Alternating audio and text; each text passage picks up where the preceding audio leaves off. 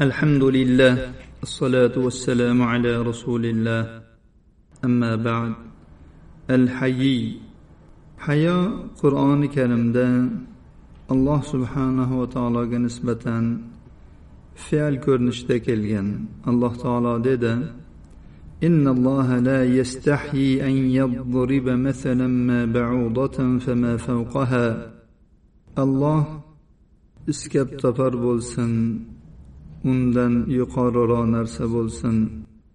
Bularni zarbul masal qilishdan hayo qilmaydi. Hayi ism ko'rinishida ikkita hadisda kelgan.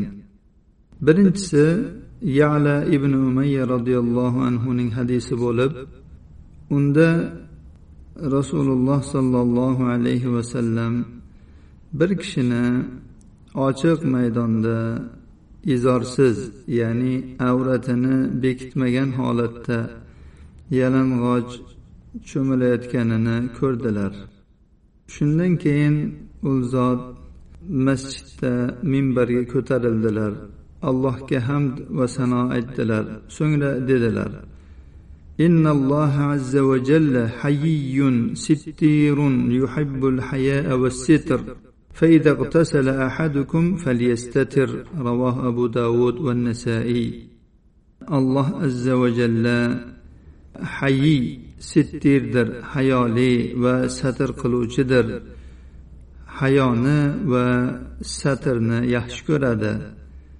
sizlardan biringiz cho'miladigan bo'lsa avratlarini berkitsin pardalansin abu dovud va nasoiy rivoyatlari ikkinchi hadis salmon al forisiy roziyallohu anhuning hadisi bo'lib unda rasululloh sollallohu alayhi vasallam dedilar إن ربكم تبارك وتعالى حيي كريم يستحيي من عبده إذا رفع يديه إليه أن يردهما صفرا رواه أبو داود وابن ماجه rasululloh sollallohu alayhi vasallam dedilar robbingiz taboraka va taolo hayoli karim saxovatli zotdir. U bandasidan agar bandasi unga qo'llarini ko'tarib duo qiladigan bo'lsa qo'llarini bo'sh qaytarishdan hayo qiladi. Abu dovud ibn moja rivoyatlari. Bu ulug' ism hayo alloh azza va jallaga uning ulug'vorligi va kamolotiga loyiq bo'lgan ravishda sifat ekanligining sobitligiga dalolat qilmoqda. Alloh subhanahu va taolo sifatlarining hammasida u bandalardan birortasiga o'xshamaydi. Bandalardan bironta ham unga o'xshamaydi. Alloh subhanahu va taolo dedi laysa kamithlihi shay'un va huva samiul basir. Uning mislidek biror narsa yo'q. Ollohga o'xshaydigan biror narsa yo'q. U eshituvchi ko'ruvchidir. Alloh taolo o'xshashlikni rad qilib turib bu yerda o'zining eshituvchi va ko'ruvchiligini aytmoqda. Ya'ni olloh ham ko'radi olloh ham eshitadi. Bandalar ham ko'radi bandalar ham eshitadi. Lekin u bu ikki sifat o'rtasida farq egalari o'rtasidagi farq kabidir. Alloh taolo dedi hal ta'lamu lahu samiyya? Siz unga o'xshash biror narsani bilasizmi? Alloh subhanahu va taoloning hayosi uning o'ziga loyiq bo'lgan vasfdir. Uning hayosi maxluqotlarning hayosi kabi emasdir. Bu sifatda aytilgan so'z rob subhanahu va taoloning boshqa sifatlarida ham aytiladigan so'zdir.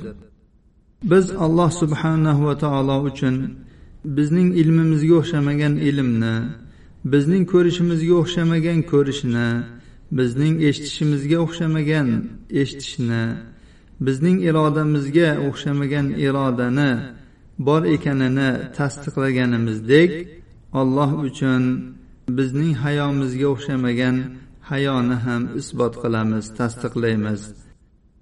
Zero alloh subhanahu va taolo o'zi uchun va payg'ambari sollallohu alayhi vasallam u uchun tasdiqlagan isbotlagan har bir narsa shak shubhasiz haqdir.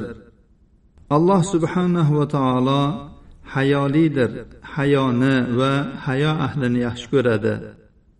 Hayoga buyurish unga qiziqtirish hayoga targ'ib qilish va uni iymonning tarmoqlaridan biri deb sanash uning buyuk samaralari va muborak ta'sirlari osorlari va uning hammasi yaxshilik ekanligi haqidagi hadislar juda ham ko'pdir.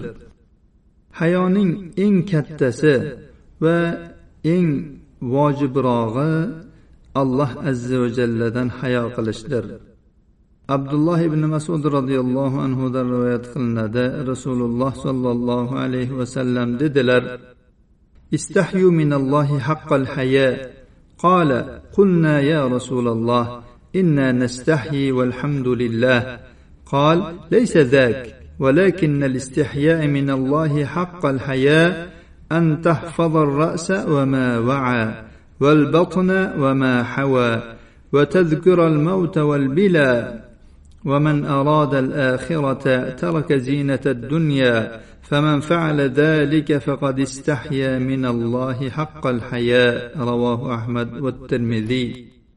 رسول الله صلى الله عليه وسلم dedilar alloh taolodan haqiqiy hayo qilinglar. Biz dedik ey rasululloh biz alhamdulillah hayo qilamiz. Ya'ni sahobalar aytmadilarki alloh taolodan haqiqatda hayo qilamiz haqqini ado etadigan darajada hayo qilamiz demadilar. Ya'ni biz hayo qilamiz alhamdulillah deyishdi. Shunda rasululloh sollallohu alayhi vasallam aytdilarki yo'q men buni aytmayapman. Lekin alloh taolodan haqiqiy hayo qilish boshni va boshga aloqador narsalarni qorinni va qoringa aloqador narsalarni saqlashing muhofaza qilishing o'limni va o'lgandan keyin chirib ketishni eslashing. Kim oxiratni xohlaydigan bo'lsa dunyo ziynatini tark qiladi. Kim mana shu ishlarni qiladigan bo'lsa alloh taolodan haqiqiy hayo qilgan bo'ladi dedilar imom ahmad va termiziy rivoyatlari. Bu yerda hadisda aytilyaptiki boshni saqla. Boshni alloh taolodan boshqasiga itoat qilishdan saqlanadi. Ya'ni alloh taolodan boshqasiga egmaydi ollohdan boshqasiga sajda qilmaydi riyo uchun namoz o'qimaydi. Alloh taolodan boshqa birontasiga buni egmaydi va uni kibr havo bilan ham kekkayib ko'tarmaydi. Boshqa aloqador narsalar deyilganda bosh o'z ichiga olgan narsalar ya'ni til bo'lsin ko'z quloq bu narsalarni hammasini ishlatish harom bo'lgan o'rinlarda ishlatmaslik faqat joiz bo'lgan o'rinlarda ishlatishlik. Ko'zni haromdan tiyish tilni g'iybatdan namimadan tiyish quloqni harom narsalarni eshitishdan tiyish kabi. Qorinni saqlash deyildi ya'ni harom narsani yeyishdan saqlash. Qoringa aloqador bo'lgan narsalar bu jinsiy a'zo bo'ladimi? Oyoqlar qo'llar bo'ladimi? Qalb bo'ladimi?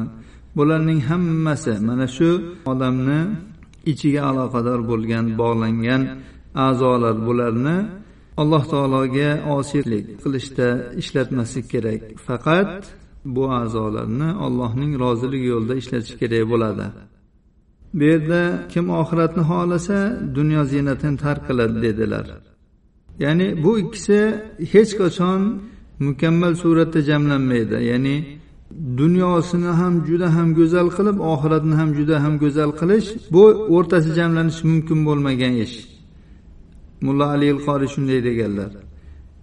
Manoviy aytganlarki bu ikkisini o'rtasini jamlab bo'lmaydi chunki bular ikkita kundoshga o'xshaydi. Qachon uni bittasini rozi qilsang ikkinchisi g'azablanib turaveradi.